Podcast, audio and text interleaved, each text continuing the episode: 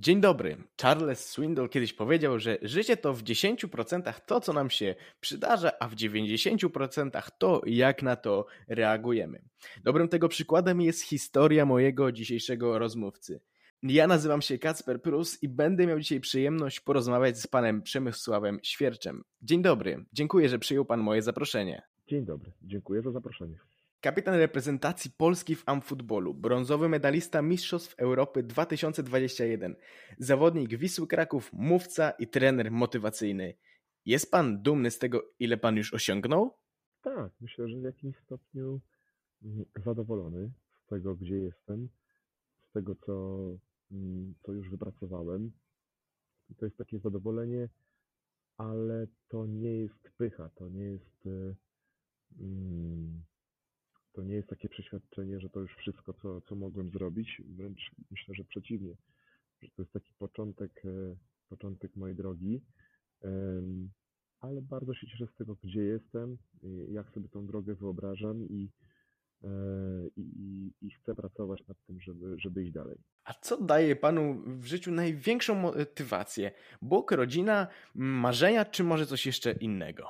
Ja myślę, że wszystko wszystko w jakiejś części. Ja nie, nie zaryzykowałbym takiego stwierdzenia, że tylko jedna rzecz e, daje mi taką największą motywację, bo wszystko to, co Pan wymienił, to, to w jakimś stopniu na mnie wpływa e, i w jakimś stopniu też mnie tworzy. E, no, wiara w Pana Boga to, to, to ogromna, ogromny fundament w moim życiu. Tak naprawdę na tym opieram swoje życie i wszystkie smutki, wszystkie radości, wszystkie troski, to e, właśnie powierzam Panu Bogu. Mm, no, rodzina jest takim źródłem e, tej ziemskiej energii. E, to jest tak, taki, taki obszar, w którym, z którego mogę też czerpać inspirację od swojej żony czy od swoich córek. To jest też taki cel w życiu, dla którego też chcę się rozwijać. Mm, natomiast sport, and football, no to, to, to jest to taka, taki obszar w moim życiu bardzo ważny, mm, w którym też chcę się doskonalić, który też dla mnie jest takim. Mm, no, sport to też taka, można powiedzieć, e, ry, rynna, po której jedzie moje życie, bo to ono tak trzyma mnie trochę też i w ryzach i, i narzuca mi pewne cele i też uczy się radzić się z, z pokonywaniem tych wszystkich przeciwności, więc e, no to wszystko się uzupełnia i, i, i sprawia, że mi się chce chcieć. Jak sam mówisz w swoich wystąpieniach, w 2009 roku wypadek, który tobie się przytrafił, zmienił twoje życie w wielu kwestiach. Jak wspominasz tamten dzień i jak on wyglądał z twojej perspektywy? Jakbyś mógł go opisać i opowiedzieć tak, jak to zrobiłeś na TEDxie? Wiesz co, no to, to, to, można powiedzieć, że to był taki jeden z, z wielu normalnych dni to, był, to była nasza podróż e, na motocyklach po Norwegii, e, gdzie tak naprawdę, jeżeli chodzi o ten dzień na, na, na motocyklu, to praktycznie już się kończył, bo dojeżdżaliśmy no, do, do celu. E, mieliśmy tam chyba około 30 km. No i w pewnym momencie mm, pojawił się przede mną samochód, mm, kamper i nastąpiło zderzenie potem po jakimś czasie mm, jakby domyślam się, co mogło być przyczyną tego zderzenia. Po prostu droga była bardzo wąska i mm, jak my jechaliśmy, grupa motocykli, e, ten samochód kamper naprzeciwka, gdzieś tam prawdopodobnie na tej wąskiej drodze się nie zmieściliśmy. No i nastąpiło zderzenie i w wyniku tego, tego zderzenia mm, jeszcze tego samego dnia lekarze e, w Norwegii właśnie wzięli mnie na stół operacyjny i podjęli decyzję o amputacji prawego podudzia.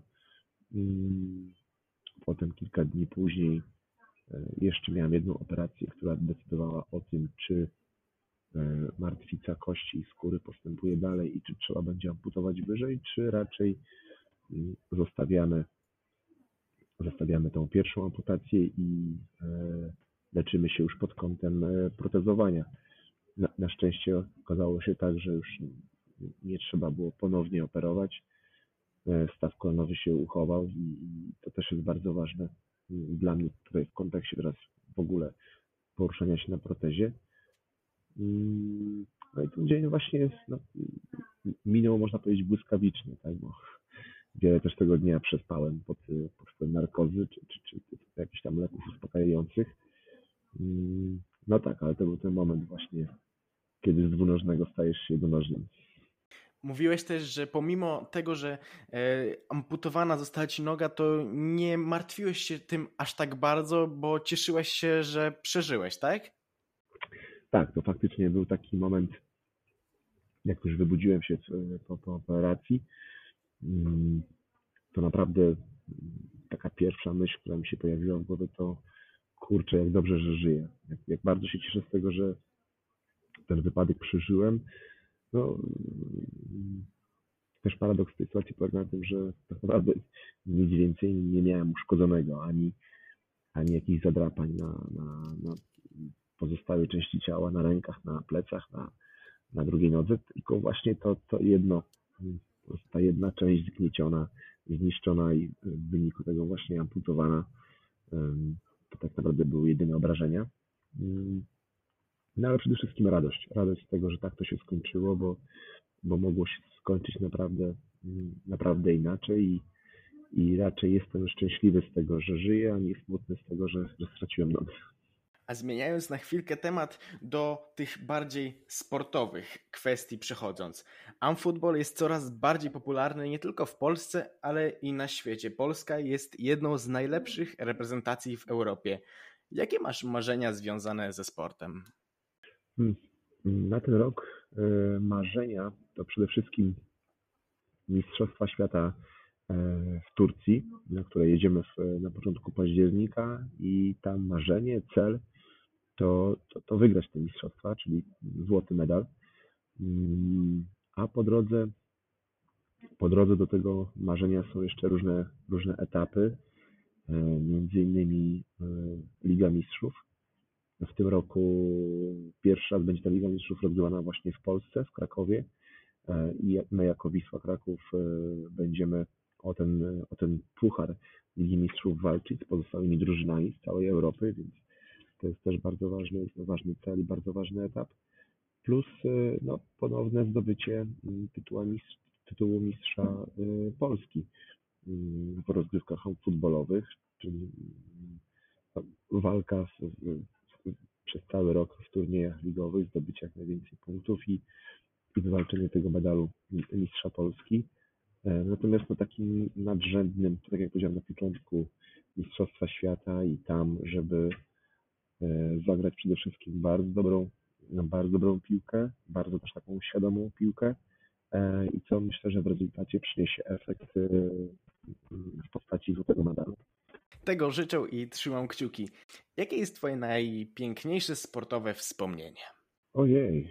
e, Nawet nie, chcę się ograniczać do jednego, e, bo, bo tych wspomnień jest tak wiele, są one tak przeróżne, mm, że nie chcę, nie chcę wybierać jednego. Chcę pozostawić ze sobą jak najwięcej. Mm, mm, Na pewno pierwszy turniej, e, jaki rozegraliśmy z futbolową reprezentacją pod Manchesterem, e, to był taki pierwszy nasz wyjazd. To było fantastyczne przeżycie i to były takie, można powiedzieć, początki mm, amfootballu w Polsce. Potem też pamiętam i wspominam bardzo, bardzo miło pierwsze Mistrzostwa Świata, na które pojechaliśmy do Kaliningradu. Pomimo tego, że zdobyliśmy tam 11 przedostatnie miejsce, to też mnóstwo emocji, mnóstwo wrażeń, mnóstwo też, e, e, można powiedzieć, takich lekcji pokory poprzez przegrane mecze, ale gdzieś tam zawsze razem jako ten zespół się podnosiliśmy i chcieliśmy walczyć. Na, na pewno też Mistrzostwa Świata i, i, i w Meksyku w 2014 i potem w 2018, Em, ale też e, Mistrzostwa Europy, też pa- wspaniałe mecze w Krakowie przy pełnych trybunach, e, czy turnieje Football Cup w Warszawie przy kompletach publiczności z udziałem gwiazd, m.in. Roberta Lewandowskiego czy, czy, czy innych piłkarzy i też te spotkania właśnie z, z, z tymi topowymi piłkarzami, to myślę, że też są wspaniałe wspomnienia, no jak również też te mecze przegrane, pomimo jakichś tam smutnych może emocji, to też są ważnym, ważnym wspomnieniem, e, czymś, co, z czego można się bardzo dużo nauczyć, wyciągnąć wnioski. E, I dlatego nie chcę wybierać jednego, bo byłoby to nie fair w stosunku do pozostałych e, tych wspomnień, tych marzeń. A w przyszłości chciałbyś być trenerem piłkarskim? Myślę bardziej w kontekście pracy jako trener mentalny. I już to marzenie realizuję. Już też pracuję z czy drużynami, czy z zawodnikami. Natomiast to jest taki obszar, w którym ciągle chcę się rozwijać, ciągle chcę się uczyć nowych, nowych rzeczy i, i robię sobie właśnie takie wizualizacje. Też widzę siebie w, w pracy jako trener mentalny. W tym kierunku. Chcę pójść, chcę, chcę wspierać sportowców w tym, żeby stawali się lepszymi, chcę też wspierać trenerów w, w budowaniu zespołów sportowych, e, więc to jest ten obszar, w którym chcę, chcę się realizować e, po zakończeniu kariery, ale, ale już i teraz, e, kiedy mogę jeszcze łączyć i sport, i, i, i tą pasję, to, to chcę to robić. W 2019 roku wystąpiłeś na TEDx, gdzie swoją drogą też miałem okazję wystąpić. Twoja mowa zatytułowana była Życie jest w głowie, a nie w nogach. Czy lubisz występować publicznie i powiedzmy to sobie szczerze, inspirować i motywować? Eee, czy lubię występować publicznie? To um, cały czas tego się uczę, tego występowania publicznie i to jest też dla mnie taka forma um, oswajania sobie tych wystąpień. Ja, bardzo, bardzo się stresuję i tak kiedyś był taki czas, że bardzo nie lubiłem wszelkich form e, publicznego wystąpienia, czy to na mniejszych spotkaniach, czy na większych, czy na zebraniach, zawsze to było dla mnie coś bardzo stresującego i coś bardzo. E, to, to był taki mój smok, którego się, e, którego unikałem, którego się bardzo bałem. W pewnym momencie dotarłem do takiego momentu, że no, z jednej strony te wystąpienia mnie pociągały i stwierdziłem, że zamiast bać się tych wystąpień, ja po prostu będę sobie oswajał tego smoka, będę sobie budował relacje z tymi wystąpieniami i będę się ich uczył i będę jak tylko to możliwe e, występował właśnie e, czy to w roli mówcy motywacyjnego, czy, czy inspiratora. Więc to jest też dla mnie taka forma e, wewnętrznej motywacji, no, tak to ujmę. Natomiast jak, jak spotykam się z ludźmi, to jakby e, nie chcę im czegoś narzucać, ja nie chcę ich czegoś uczyć. E, ja po prostu opowiadam swoją historię, opowiadam też swoje doświadczenia, opowiadam o, o, o, o sporcie, o, o budowaniu zespołów od, z mojej perspektywy. A jeśli y, ktoś uzna, że wiem, część tej historii jest y, fajna, jest dobra, jest przydatna i weźmie dla siebie, to dla mnie to już jest y, duża wartość i, i sukces takiego wystąpienia. Natomiast nic na siłę. To, to mm, odbiorca sam decyduje o tym, co bierze sobie z takiej historii i przełoży na własne życie. Dużo mówisz o marzeniach i o tym, że warto je spełniać. Jakbyś miał powiedzieć osobom, które jednak się wahają, boją, to co byś chciał im przekazać? E, przede wszystkim mm, zapytałbym się je, e, co by zrobiły, gdyby się nie bały. Mm, i myślę, że tym pytaniem te osoby już sobie same odpowiedzą, co, co mogą zrobić, żeby swoje marzenia e, spełniać. No i wtedy zacząć to robić. E, wiele, wiele lęków, wiele obaw, które mamy w swoich głowach, tak naprawdę nie wynikają z otaczającej nas rzeczywistości, tylko wynikają z tego, co my myślimy o o, o jakby istniejącym fakcie, czy, czy o, o tej rzeczywistości, która nas otacza, czy o tych swoich marzeniach. Często sami sobie e, narzucamy pewne blokady, pewne obawy, właśnie pewne lęki. I wtedy właśnie warto, warto siebie zapytać, co bym zrobił, gdybym się nie bał. I zrobić to.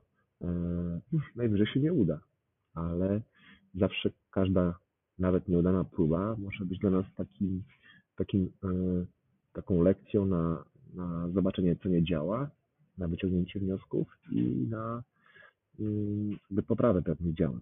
Natomiast przede wszystkim być odważnym e, i, i, wierzyć w te marzenia. I na pewno mm, nie mówić sobie samemu, że nie, jakieś marzenie jest nierealne. To Walt Disney mm, bardzo fajnie powiedział, że jeśli potrafisz o czymś marzyć, to potrafisz to osiągnąć. Ja się z tym zgadzam. Jeśli jakieś marzenie się w Twojej głowie zrodziło, to ono się zrodziło po coś. Teraz tylko znajdź sposób, pracuj plan, e, jak to marzenie zrealizować i, i, i działaj. Na zakończenie ostatnie pytanie. Masz w jednym momencie do dyspozycji wszystkie billboardy świata. Co byś chciał na nich przekazać? Hmm, to jest ciekawe pytanie. A teraz myślę, że szanujmy różnorodność i, i, i czyńmy z niej dobro. Takie myślę, że hasło.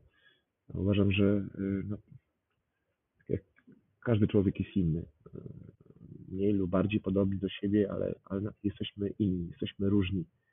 Ale to nie znaczy, że lepsi czy gorsi.